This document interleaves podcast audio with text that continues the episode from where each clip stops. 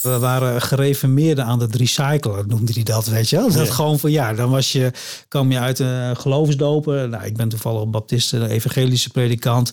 Nou, dan gingen ze dopen en dan, nou, dan, hadden, we, hè, dan hadden we weer eentje gewonnen, Ja. spreken. Kun je er eentje afvinken. Dit is het tweede seizoen van de podcast De Kansen voor de Kerk. Waarin ik, Arnoud Drop, directeur van Alpha Nederland, op zoek ga naar de kansen voor de kerk in deze tijd. Elke aflevering spreek ik met een deskundige over dat ene, dat bijzondere. Waar ik gepassioneerd en hoopvol over ben, maar waar ik door diezelfde passie soms ook zo mee worstel. De kerk. Wat gaaf dat je deze zoektocht verder wilt volgen. Dat kun je alleen doen door ook zelf in de spiegel te kijken en te denken aan je eigen kerk. De tijd is niet stil blijven staan. Net als de ontwikkelingen in en rondom de kerk. Wat kunnen we leren van het toen, nu en straks? Dit is de Kansen voor de Kerk. In deze eerste aflevering ga ik in gesprek met Richard Santingen, voorganger van de Evangeliegemeente in Ermelo. Ik spreek met Richard over cultuurverandering in de kerk. Tot twee keer toe heeft Richard een verandering vormgegeven in zijn kerk.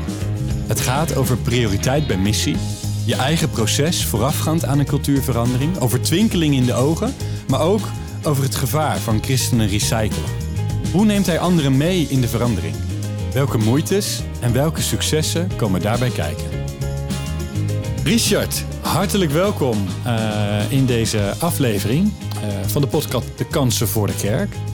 Eh, ik ben blij dat je hier bent, want ik wil heel graag met jou praten over cultuurverandering. Cultuurverandering in de kerk. Ik zeg altijd als ik ergens ben, dat is een van mijn standaard grappen, zo heb ik er een paar, dat weet jij hè. Maar een van die kerk is dat een cultuurverandering duurt langer dan 14 dagen.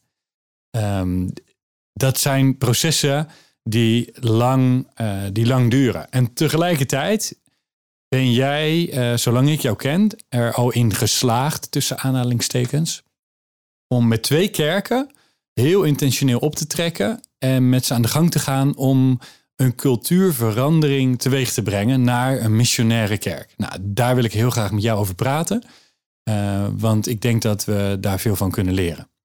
Dus welkom. Ja, daarom. dank je. En eh, eh, de missionaire kerk liet heel even vallen. Eh, kan je mij beschrijven, wat is voor jou dan de missionaire kerk? Hoe ziet dat eruit? Ja. Nou, ehm, het- kijk, ik denk dat dit soort dingen beginnen altijd vooral bij je eigen proces. Hè? Van, eh, dan ga ik weer terug eh, in de tijd. Hè? Was ik een jaar of 18, 19, toen kwam ik tot geloof. hè? Echt eh, wel een hele bewuste keuze ook meegemaakt. En ik was in die tijd super relatief. Hè? Zo van, nou, ik kon eigenlijk niet zo heel veel ontdekken waarom we hier nou precies waren. Dan via een heel mooi verhaal met mijn eh, vrouw, waar ik nu getrouwd mee ben, tot geloof gekomen. En toen had ik zoiets, oké, als dit het is, dan, dan ga ik er ook echt voor, ga ik theologie doen. En uiteindelijk ook voorganger geworden. Maar dan, dan begint er eigenlijk gewoon een proces ook bij jezelf. En uiteindelijk werd ik voorganger. En wat ik heel belangrijk vond, ehm, was vooral ehm, kennis ook van de Bijbel. Wie is God? Eh, hoe bouw je een, gewoon een gemeente op? Hè? Eh, gewoon de, de standaard dingetjes van er moet goed kinderwerk zijn en aantrekkelijke diensten en noem maar op. En, en eigenlijk ehm, ja, draait er dan toch wel heel veel om de opbouw gewoon van de eigen mensen. En ergens ontbrak er iets. En ik had dat, ja, dat, dat, dat ga je dan ook wel een beetje ontdekken. En hoe ik dat, eigenlijk ben, je- heb jij daar zelf een hele leuke rol in gespeeld. Ik heb jij toen een keer ontmoet op een, over iets heel wat anders. En toen waren we net in Leeuwarden, hè, want daar Ja. was ik toen eh weet het voorganger. Ja, ja. Daar hadden we een heel mooi eh, gebouw aangekocht met een restaurant erin en eh, een grote kerkzaal. eh, juist weer heel erg gericht op die gemeenteopbouw. En toen stelde jij een hele mooie vraag. Toen zei je van, eh, wat ga je eigenlijk eh, met dat gebouw doen? En toen dacht ik van, ja, dit is eigenlijk een hele goede vraag. Want ehm, ja, voor wie en waarom zet je het er neer? Hè? En toen hadden we ook net onze naam veranderd in Stadskerk, omdat we graag kerk voor de stad wilden zijn. Maar hoe Mhm. doe je dat? Ja. En toen vroeg jij van, zou je eens een keer eh, met mij mee willen om eens wat te gaan ontdekken over wat, wat Alpha kan betekenen voor een kerk? En toen zei ik, super mooie, mooie timing. En toen, en toen ben ik daar ook eh, mee geweest. We hebben ook eh, nog een, een keer eh, een voorrecht gehad om in Londen zelf eens te kijken, hè, bij HCB. Ja. En dan zie je eigenlijk dat je zelf in een veranderingsproces bent gekomen, maar nog niet zo heel goed weet hoe je dat moet doen. En ik denk dat ik daar in dat contact gewoon met, met Alfa, met denken over de kerk, dat daar bij mij wel iets is veranderd. En vooral dat daar een aantal puzzelstukjes gewoon bij elkaar vielen. En, en, ja, en dat noem je de missionaire kerk. Ja, dan is eigenlijk de vraag, ja, wat is dat? Hè? Wat, is wat is dan de missionaire kerk? Ja, want ik weet nog toen we daar in Londen waren, uh, er waren een aantal momenten dat jouw ogen gingen twinkelen toen je dingen zag. Ja. Uh, en dat had heel veel, niet zoveel te maken met wat daar werd gezegd, nee. maar met wat jij proefde, wat je ervoer. En ja. Dat zat in iets anders dan wat er werd gezegd. Je, wat waren die twinkelingen wat, jou betreft? Nou, ik vond sowieso uh, de grondleggers van, van, van Alpha zelf, dan uh, Nicky Gumbel, als je gewoon ook naar zijn persoon kijkt. Ik vind dat ik, ik hou van dat type mens. En wat is dat voor mens, uh, tenminste als voorganger dan? Hè? Dat het, het, het is eigenlijk gewoon een hele gewone man. Hè? Als je, dat, dat, dat is niet echt, als zet je die op een podium neer, dat je denkt van goh, wat een podiumbeest of zo. Hij ziet er gewoon eenvoudig eruit, maar hij is wel uh, hij heeft echt goed zijn best gedaan, ook qua studie. Hè. Hij is zelf ook advocaat uh, nog geweest voor, daarna theologie gedaan. Je ziet, er zit een bepaalde doordenking in. Ze, ze, ze roepen niet zomaar allerlei claims over geestelijk leven, dat soort dingen. Je merkt gewoon, het zijn echte mensen. Ja. Uh, daarnaast is, is de hele sfeer, als je daar binnenkomt, het is heel gemoedelijk. Het is heel relaxed. En daar hou ik zelf ook al van. Hè. Ik kom oorspronkelijk uit Drenthe. Hè. Yeah. Dat doen we ook altijd een beetje beetje relaxed. Een beetje kalmpjes aan. En, en, dat zat helemaal daarin. Maar ook uh, de manier van de aanbidding vond ik mooi. Hè? Dat, dat, Engelse stijltje met ja, Matt Redman en Tim Hughes en dat soort uh, mensen. Het was ook heel intentioneel. Ook heel veel uh, gebed speelde daar een bepaalde rol in. Het was ook prayer filled. Maar dan weer een man van 70, maar super enthousiast. En eigenlijk zie je daar allemaal, dat, dat is het denk ik, ik zie daar gewoon hele gewone mensen rondlopen waarvan je niet verwacht, gewoon die zitten in de kerkbusiness of zo. Dat, mm dat, dat sfeertje. Gemoedelijk, goed doordacht, heel gasvrij. En uh, ja, ik, ik kan me herinneren dat we daar binnenkwamen, hadden ze daar allemaal uh, snoeppotten staan, weet je wel. Kon je voor, voor 0 euro. Ja, nul pond ook. 0 pond kon je een pakje of een zakje pakken en dan kon je snoepjes. Maar gewoon dat idee, weet je? Gewoon van zo welkom, zo. Weet je, met zo'n Jamin opstelling, hè? Allemaal van die bakken, vul je zakje maar. Gewoon om de gastvrijheid uit te stralen, dus dat ze wilden. Klopt. En dat is dan niet dat ik, dat ik het heel gelikt vond van, oh, ze doen wel heel erg hun best om gastvrij te zijn. Maar het, het voelde voor mij in ieder geval als heel authentiek. Gewoon heel echt. Uh, nou, dat, dat idee van kom zoals je bent, hè, dat, uh, dat zit er heel sterk in. Ja. daar vielen denk ik gewoon een aantal puzzelstukjes bij elkaar. En, uh, ja, en, en, en, en ook in mijn eigen proces. En wat ik dan eigenlijk zo heel mooi vind, is dat je, als je het hebt over de missionaire kerk, vind ik het belangrijk om daarin te zeggen van wat, wat is het doel van de missionaire kerk? Van, hoe maak je nou van zoekers, hè, dus mensen die op zoek zijn naar, naar geloof, naar zingeving in het leven hoe breng je die nou in een proces van zoeker naar toegewijde volgeling van Christus? want alleen zoeken of alleen maar een beetje esoterisch bezig zijn, is ook zo leeg. Dus uiteindelijk gaat het wel om echte antwoorden. Ehm, ja, om echte levensvragen goed te doorleven als zoeken, maar wel ook uh, richting dat je nou, ook, ook kunt spreken van antwoorden. Hè? En dat je ook je leven anders gaat inrichten. Nou, dat proces van zoeker naar toegewijde volgeling van Christus, dat vind ik de missionaire kerk.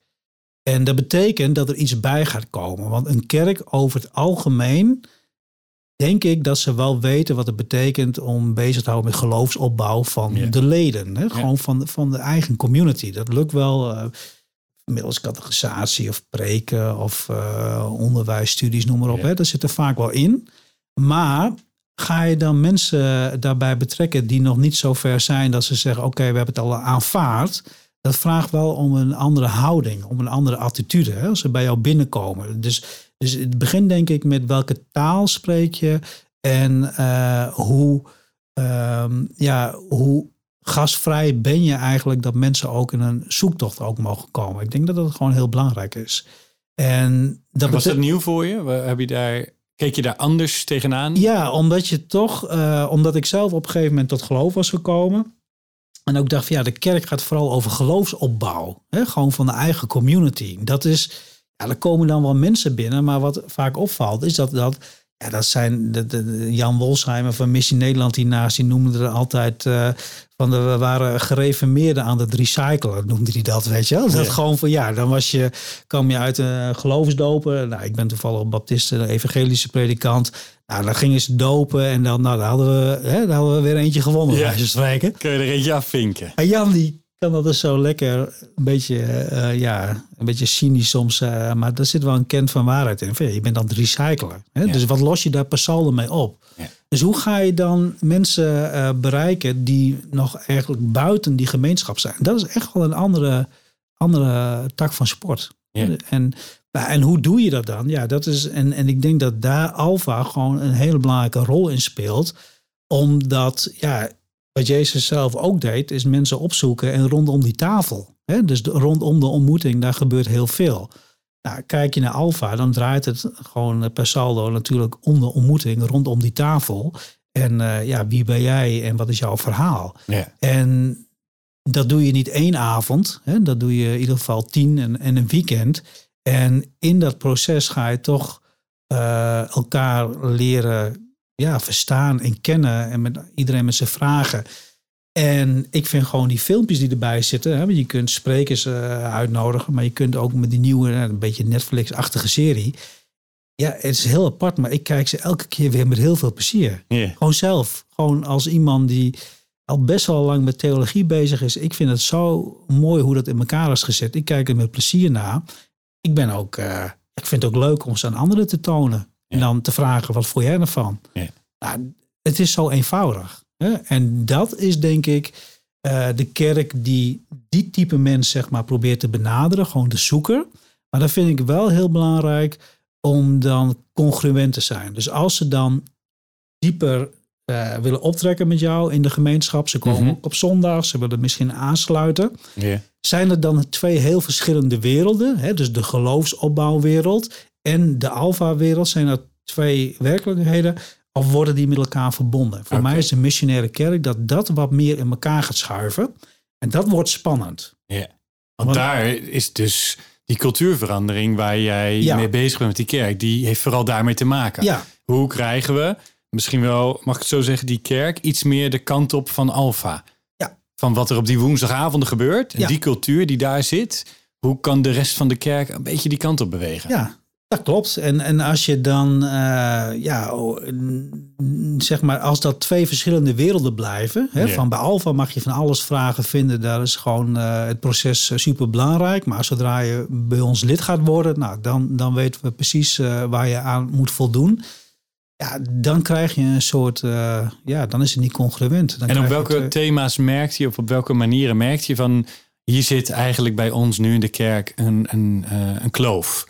Uh, waar merkte je dat aan? En op welke thema's dacht je van ja, maar daar moeten we dus aan sleutelen of aan werken of bewustwording creëren? Ja, dat, dat, dat je ook uh, mensen in jouw kerk uh, binnenkrijgt die misschien qua, nou ja, ik denk dat het een beetje de open deur altijd is, maar heeft bijvoorbeeld ook met levensheiliging, met ethiek te maken. He, je hebt vanuit de kerk, vanuit de geloofsopbouw, weet je vaak wel wat de Bijbel zegt over bepaalde onderwerpen. Maar als iemand nog aan het zoeken is en nog in een proces zit, dan, uh, ja, dan kun je niet bij de voordeur al zeggen van nou ja, uh, afgevinkt, weet je wel. Je, je, je, je komt dus ook met situaties tegen waarvan, en dat, dat is echt wel een cultuurverandering, waar niet iedereen op zit te wachten yeah. in je kerk. Want dan krijg je ook dingen van ja, maar als we ons daarmee in gaan bewegen. Nou, dan weet je vaak wel uh, de, de, klassieke thema's als het gaat over relatieethiek, over huwelijk, over samenwonen, LHTBI. Ja, als, als dat eenmaal uh, zeg maar de ruimte krijgt, dan, dan wordt het als een magneet en dan ga je dat aantrekken en dan, ja, dan word je eigenlijk, ja, wat word je dan? Het hellend vlak bereik je het, dan, hè? Het hellend vlak. Ja. En dat is ook best wel een, een spannende. En dat is ook niet zo heel makkelijk. Maar daarin begint wel te doordenken van... hey, hoe, hoe kun je dan die twee werelden wat bij elkaar gaan brengen? En nou, zo zijn er wel meer onderwerpen te bedenken. Hè. Eh, voor uh, juist baptisten, evangelisch is de geloofsdoop natuurlijk ook altijd zo'n zo'n zo'n superbelangrijk onderdeeltje uh, in, in, de, in, de, in de discipelschapsvorming. Ja, weet je, mensen zijn er af nog niet aan toe Of uh, komen via andere ingangen binnen en zijn er ook tevreden mee. Ja, hoe ga je dus daartoe verhouden? En Hmm. dan moet je dus wel, of moet, uh, het begint wel met wil je dat? Ja. Want als je niet wil, ja, dan heeft het geen zin. Hè? Dan, dan hou je het eigenlijk gewoon, ja, ik noem dat een beetje de kerk voor de goede, zeg maar.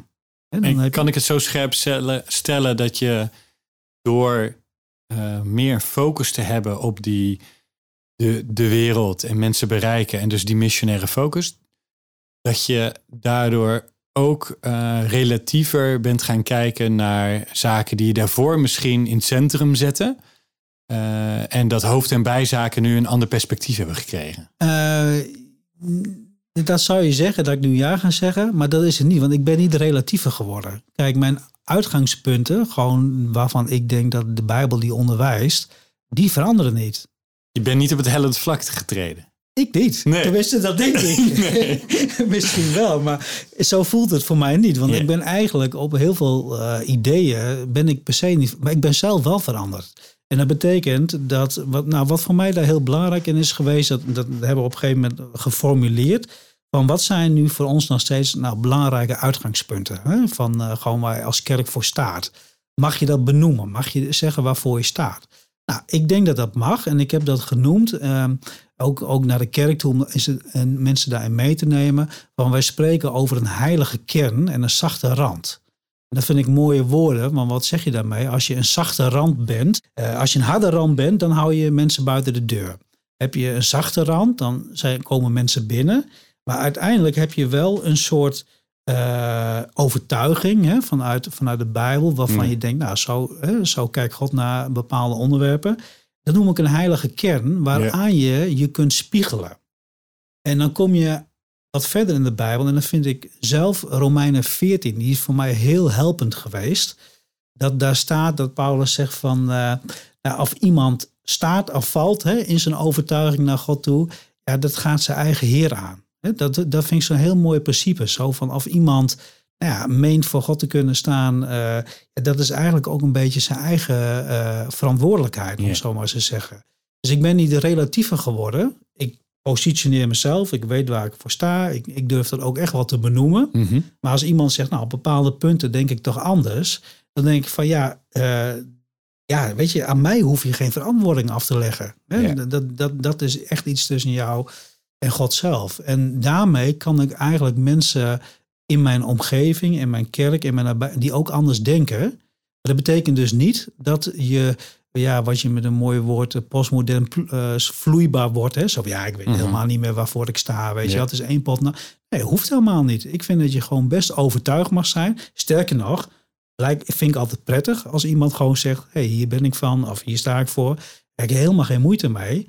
Kan ook anders zijn dan ik zelf, maar dat betekent nog wel dat je samen uh, familie kunt zijn. Ja. Dus er komt meer ruimte om anders te mogen zijn Ja. en toch bij elkaar te horen. Precies. Dat Dat is, denken, ik heb wel zo'n uitleg gehoord van uh, je hebt het verschil tussen een bronkerk ja, en, en nog zo'n variant. En dan werd het vergeleken met een, uh, met een, een, een weiland of een akker of een, hoe je boert. Boer je door de hek omheen te zetten, zeg je, "Joh, dit is mijn weiland, hier blijven we bij. En hier moeten dus ook de kuddes blijven. Of in het midden staat die voerbak, die bron om uit te drinken. En hè, laten we Ja. dat Jezus Christus noemen. Dat is de plek waar we steeds naartoe terug willen of waar je vandaan kunt komen. Ja. En er zijn geen hekken. Maar je bent in beweging er naartoe. Soms gaan mensen weer ietsje verder weg. Maar die bron, die is helder en die blijft voedzaam.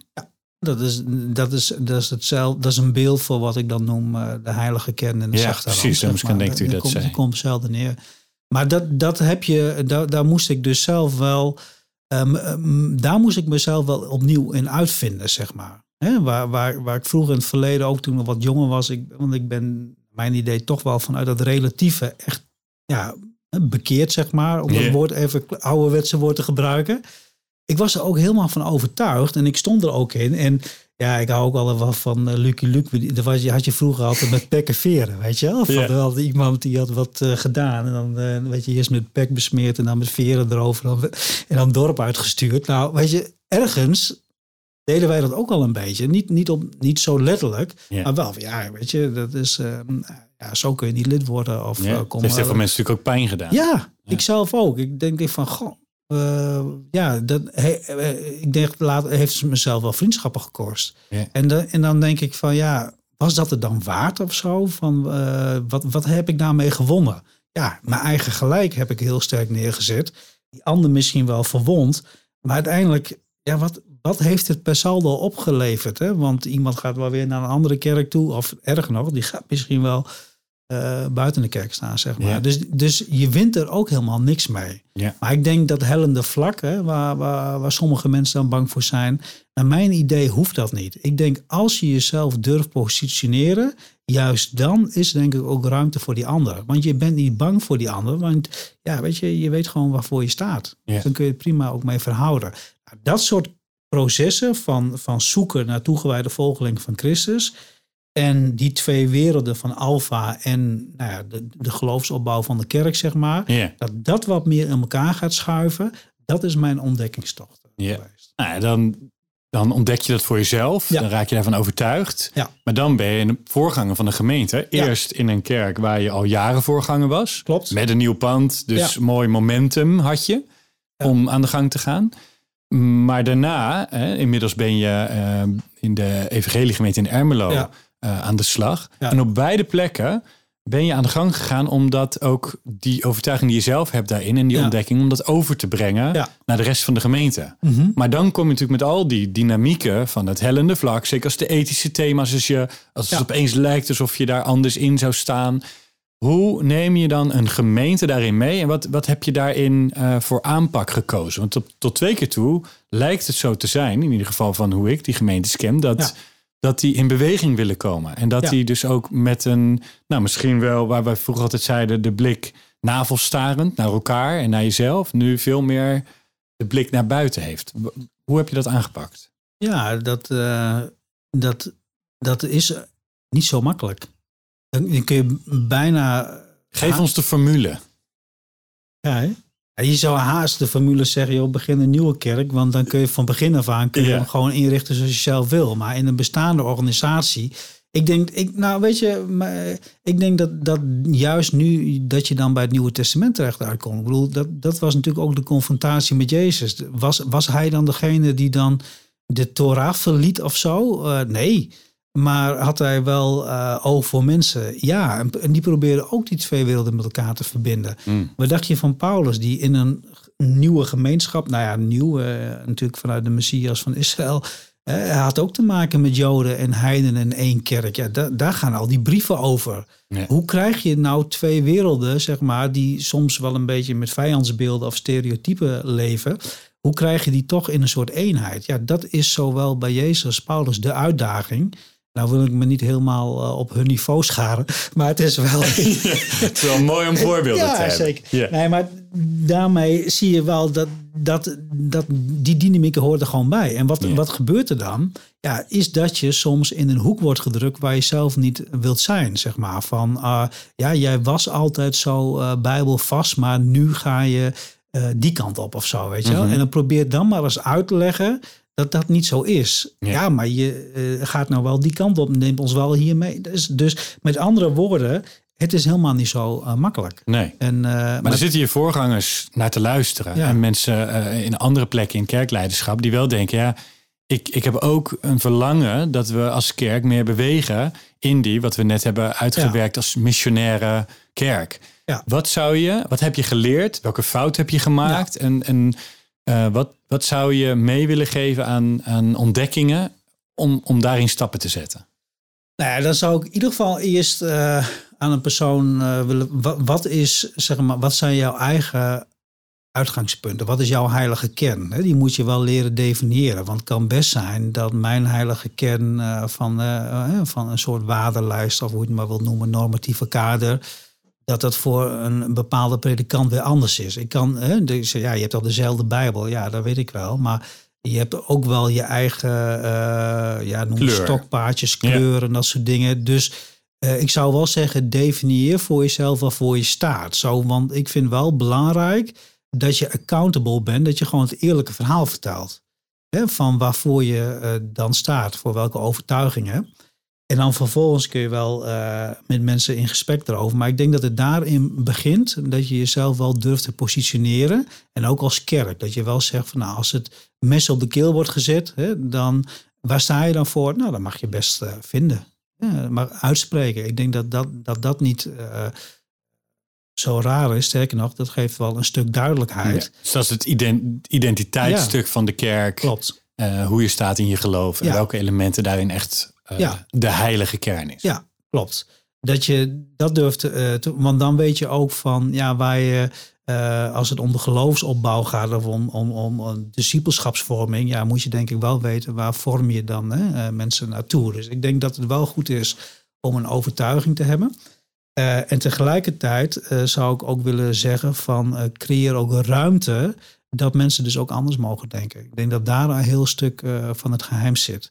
En dat dan het echte gesprek, hè, de ontmoeting, uh, ja, dat dat wel heel cruciaal is, zeg maar.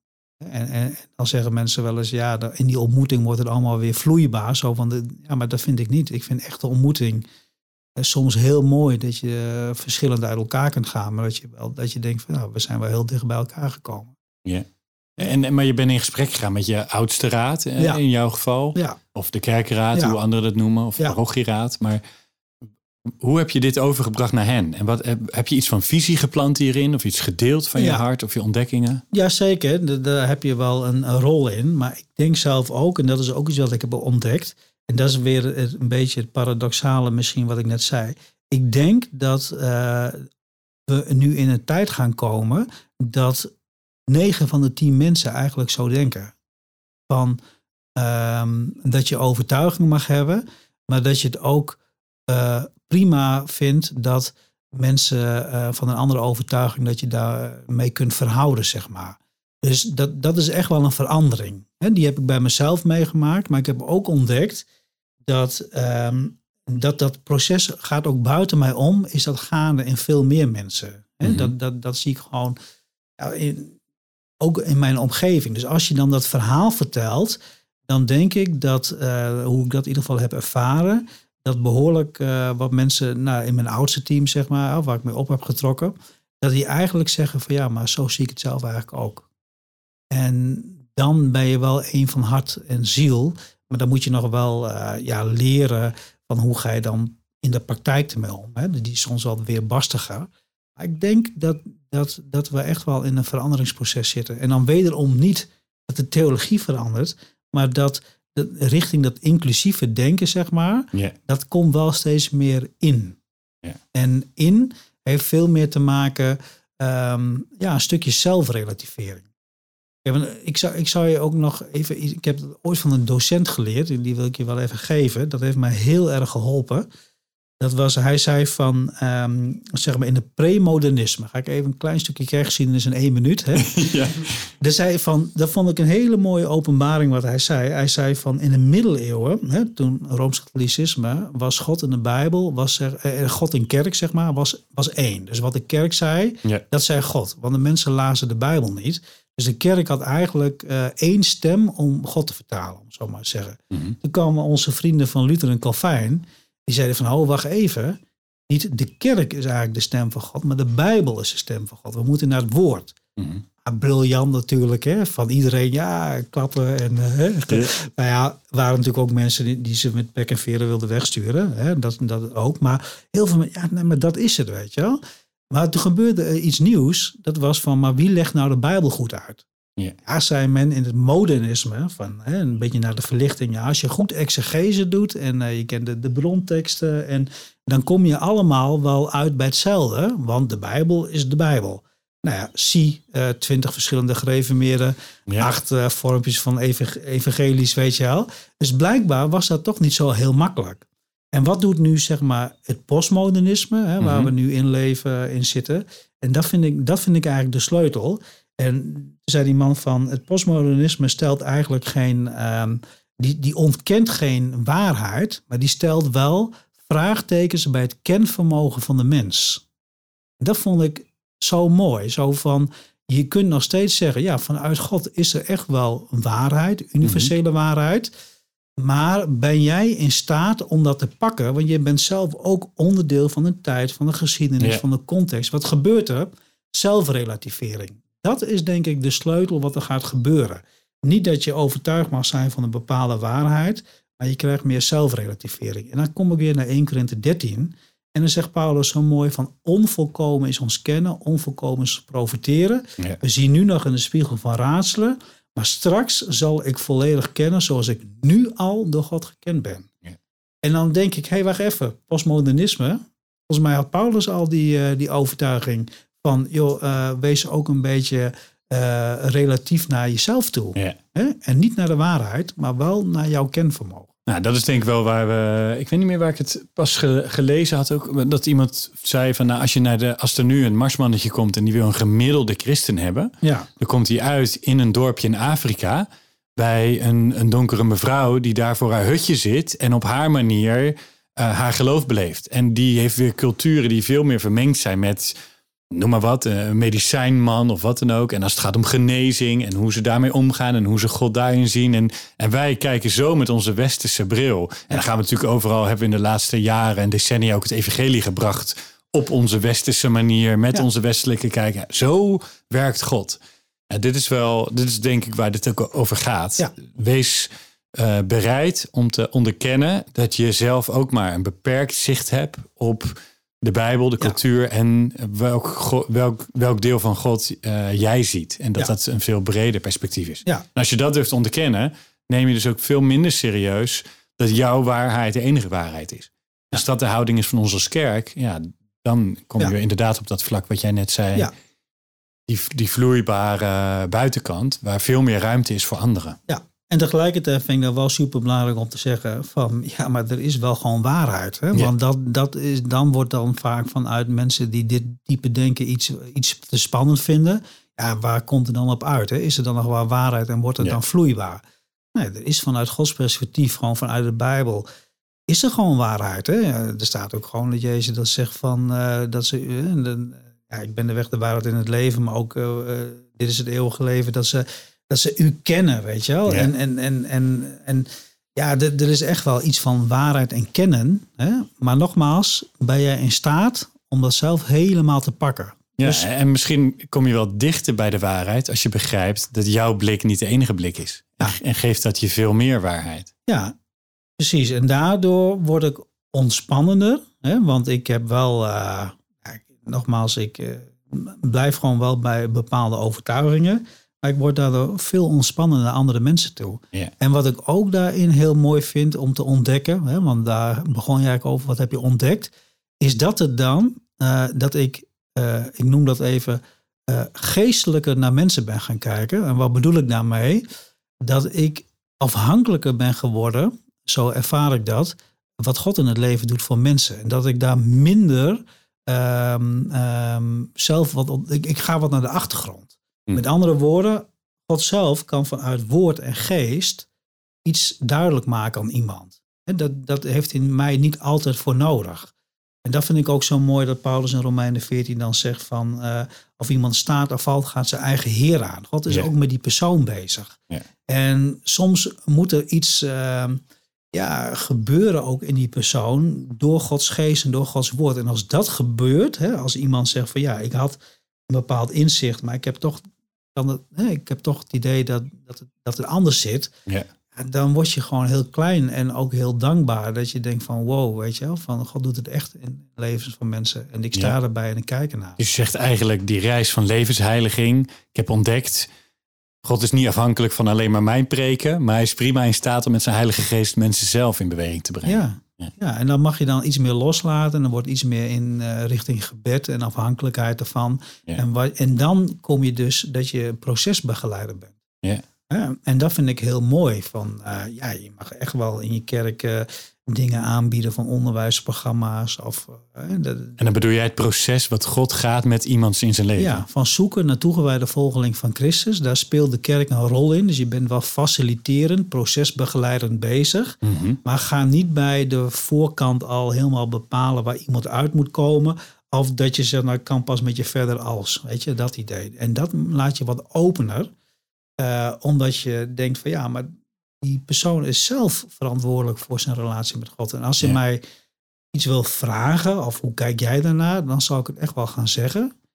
Maar tegelijkertijd wil ik het ook wel wat meer eh, overlaten. Ja. Zeg maar. iets, iets meer toevertrouwen aan, aan het proces wat God ook in mensen doet. Dus dan is misschien wel de kansen voor de kerk, de kerk als procesbegeleider. Ja, dat, dat vind ik een heel belangrijk. eh, dat is, ja, en, dat, en dan kom je weer helemaal terug van wat heb je dan ooit daar in Londen gezien. Ja, dat is wat zij doen. Zij, zij, zij, zij faciliteren wel, ze doen wel dingen. Maar het is sterk gericht op gebedsleven. Ook heel erg afhankelijk van de Heilige Geest. Dat viel me ook zo op. Hè? Heel grappig trouwens hoe dat ooit in de geschiedenis is ontstaan hè, bij Alfa.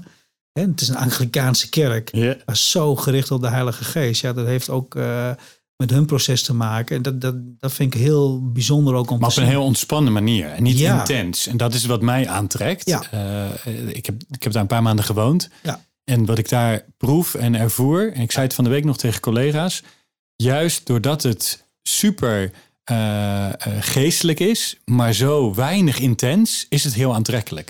Het is polite, noem ik het. Hè? Ja. Als, als je daar gewoon... Would you please like to take a seat? Weet je wel? Dan ga je heerlijk zitten, hè? Ja. Maar ook als je zegt van, zullen we gaan staan en mag ik voor jullie bidden, weet je wel? En dan zegt, kom er nodig de Heilige Geest uit. En dan, dan deelt hij soms de persoon op het podium even een indruk. Hè? Ik heb het idee dit. Maar je hebt ook wel eens, misschien heb je het ook wel eens meegemaakt op conferenties of in kerken. Er zijn hier vijf mensen die. Ja, en, en die gaan dan door de zaal lopen. Het mag, hè? Het mag allemaal bestaan, maar ik, ik hou daar niet van als persoon niet. Hè? Omdat, dat zo, ik, ja, nogmaals, eh, ik vind het fijner als iets gewoon eh, ontspannen gaat. En dat zie je daar gewoon terug. En ja, dan kan het dus wel heel intentioneel zijn of heel intens, maar wel op een manier dat je een stukje vrijheid ervaart. Ja. En je hebt wel eens eh, in, de, in de dierenwereld noemen ze dat de alfa, hè? De al, letterlijk dan weer het alfa mannetje, zeg maar, even los van de alfa kussens. Maar dat zie je soms ook wel eens in het evangelie, dat, dat sommigen ook op het podium lopen of ze een soort alfa mannetjes zijn, die vandaag dat wel even gaan regelen. Ja. Hè? En ja, dan blokkeer ik gewoon. Want dan denk ik van ja, dat wil ik niet. Ja. En ik vind ook dat ik dat mag zeggen, van dat ik dat niet wil. Want ik ben verantwoordelijk voor mijn eigen proces, eh, dat idee. Maar als het uitnodigend is en het is gentle, ja, dan is het juist heel, iets heel moois.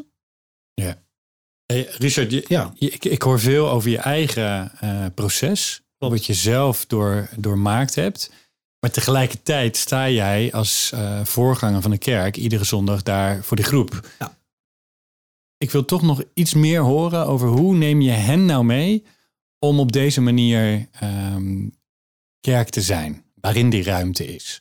Doe je dat in je onderwijs? Heb je inspiratieavonden? Of hoe, hoe beweeg je? Want de kerk ehm, voordat je de reis naar Londen maakte of hiermee aan de gang was, Ja. was op een andere plek dan nu. Kun je een paar dingen noemen waarvan je zegt, nou, dat zijn dan wel sleutels geweest om daar een verandering in op gang te brengen? Nou, nou ik, denk, ik denk wat je net al zei, het begint wat mij betreft altijd wel met je oudste team. Hè? Dat, daar moet je wel op één lijn mee zitten. Hè? Want dat, dat noem ik vaak in kerken toch wel een beetje de regiekamer. Hè? Is daar zeg maar oneenigheid, dan zijpelt dat hoe dan ook altijd door naar, naar de rest van de gemeente. We zorgen wel voor dat je, ja, dat, dat in ieder geval de mensen waar je samen leiding mee geeft, dat die hetzelfde proces meemaken en dat ook bij elkaar zien. Hè? En dat je daar ook overtuigd van bent. Dan vind ik het zelf altijd heel mooi om een, eh, gewoon wel een, ik noem dat een, de, we hebben dat, noemen dat de invoegkring, hè, waar nieuwe leden binnenkomen. Gewoon een heel duidelijk verhaal, waar staan we voor, waarom zijn we kerk en dat soort dingen. Dus je neemt ook nieuwe leden er al in mee. Daarnaast vind ik ook belangrijk eh, via een jaarplan om aan je leiderschapskader zeg maar ook duidelijk te maken van wat voor type kerk je bent, waarvoor je staat, hoe, hoe je dat voor je ziet zeg maar. Dus je probeert ook onderwijs te geven of in ieder geval je leiders er ook in mee te nemen. En vraag je hen dat te vertalen naar hun eigen... Ja, ja eh, we schrijven zeg maar een eh, jaarplan. Gewoon, gewoon algemene dingen die we gewoon in, in het jaar voor ons zien. Hè, van het oudste team. Dat komt vaak vanuit zo'n visiedag, gebedsdag. Ja. Dan vertaal je dat en dan zeg je, nou, dit is het hoofdlijn. En hoe kun jij daar als team eh, je eigen vertaling aan geven? Hoe kun je erop aanhaken? Oké. Nou, en dan laat je ook bij hen gewoon dat denkproces. Hè. Ik eh, vind dat heel mooi. Ik noem dat een why, how, what. Hè. Die drie dingen, dat komt Ja. van die gast van, eh, Google, hè, die had het, uh, die CMAC geloof ik. Ja, Simon Sinek. Ja, die heeft een leuk filmpje over. Van, denk vanuit het why hè, en dan how en dan pas wat ga je doen. En het leuke daarvan is, als je dat heel goed hebt doordacht, dan hoeft de why en de how, die blijft gewoon wel vijf jaar staan. Ja. Maar de what pas je per jaar even aan. Dus je krijgt niet hele lappen papier, gewoon één à vier, waarbij het wat van dat jaar eventjes moet fine-tunen en een begroting eronder zetten. Maar waar het dan onder gaat, is dat, waar het om gaat, is dat mensen wel hun eigen denkproces goed doormaken vanuit die algemene visie, zeg maar. Dus ben jij hierin ook procesbegeleider ja, eigenlijk? Ja, klopt. Ja. ja. Dat is eigenlijk mijn taak, uh, procesbegeleider van individuen. Maar dat doe je, dat individuen doe je vooral uh, met, met de mensen in de kerk. Hè? Dus ik kan niet alle individuen begeleiden. Maar ja, goed, dan, nu kom je eigenlijk al een beetje weer richting kerkopbouw. Dus, dus een, daar wil je het niet over hebben, begrijp ik? Jawel, heel graag, want dat is mijn vak. Hè? En uh, daar wil ik heel veel over vertellen. Maar ik, ik denk dat dat uh, misschien nog weer wat, wat, wat, wat, wat specifieker uh, onderwerp is, zeg maar. Maar er wordt wel heel goed over nagedacht. Hoe kom je nou van zoeken naar toegewijde volgeling van Christus? Heb je leiders mee? is, die, is die sfeer ook in jouw kerk aanwezig? Dus ik, nou, wat ik bijvoorbeeld ook doe, is de sprekers zoek ik daar ook op uit. Die, Waarvan ik denk, hey, die, die, die ondersteunen dit verhaal. En die, wat ik, ik heb altijd een beetje van die eigen voorbeelden. Ik zeg, ik wil altijd een spreker zien, ik wil er ook een biertje bij kunnen drinken. als ik dat denk van, dat gaat het niet worden. Nou, mag ook een ander drankje. Uh, het moet wel gewoon een normale gast zijn. Dus wel geest vervuld, maar wel wat je denkt, ja, dat is gewoon een echt mens. Weet je wel? Ja, dat is ook alweer cultuur van, want dat straal je dan ook uit op zondag, zeg maar. Dat heeft ook gewoon met de worship te maken van, uh, ja, uh, het mag best intentioneel zijn, die aanbidding. Gewoon lofprijs en aanbidding mag best wel uh, intens zijn. Maar herken ik je nog wel gewoon als die gast die straks van het podium afstapt en dan ook weer... Nee, dus je wil niet dat het een trucje is of dat ze in een rol schieten, maar je wil dat het echt is. Ja, ja dat is het hele idee. En, en bij je gastvrij als je binnenkomt. Uh, spreek je een bepaalde taal waar mensen ook zeggen, oh ja, dat is... Uh, nou, ik kreeg laatst, uh, vond ik mooi dat iemand er zei van, hey, je bent eigenlijk dezelfde podium als daarnaast. Toen dacht ik, ja, dat, dat vind ik eigenlijk een compliment. Denk ik. Ja. Zo ervaar ik het zelf, hè?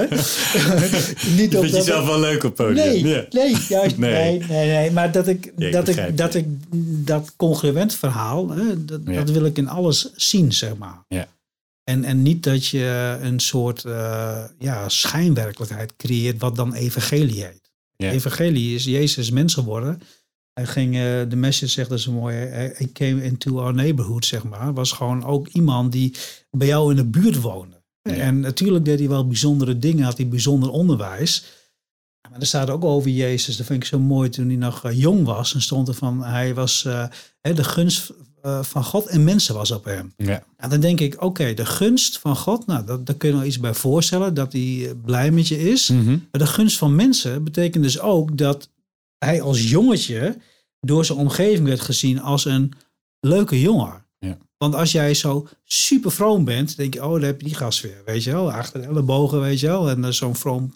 Nee, dat was gewoon dat mensen echt van dat jongetje Jezus hielden. Ze wilden gewoon bij hem zijn. Ja. Ze wilden hun leven delen. Ze wilden met hem Juist, optrekken. Dat. Ja. En, en ik denk van, dat is denk ik gewoon het geheim. Hè? Van wees gewoon echt, maar wel uh, verbonden met God, maar wel, wel echt. En, en, en, en dat, dat wil ik graag in de kerk zien. Ja, mooi.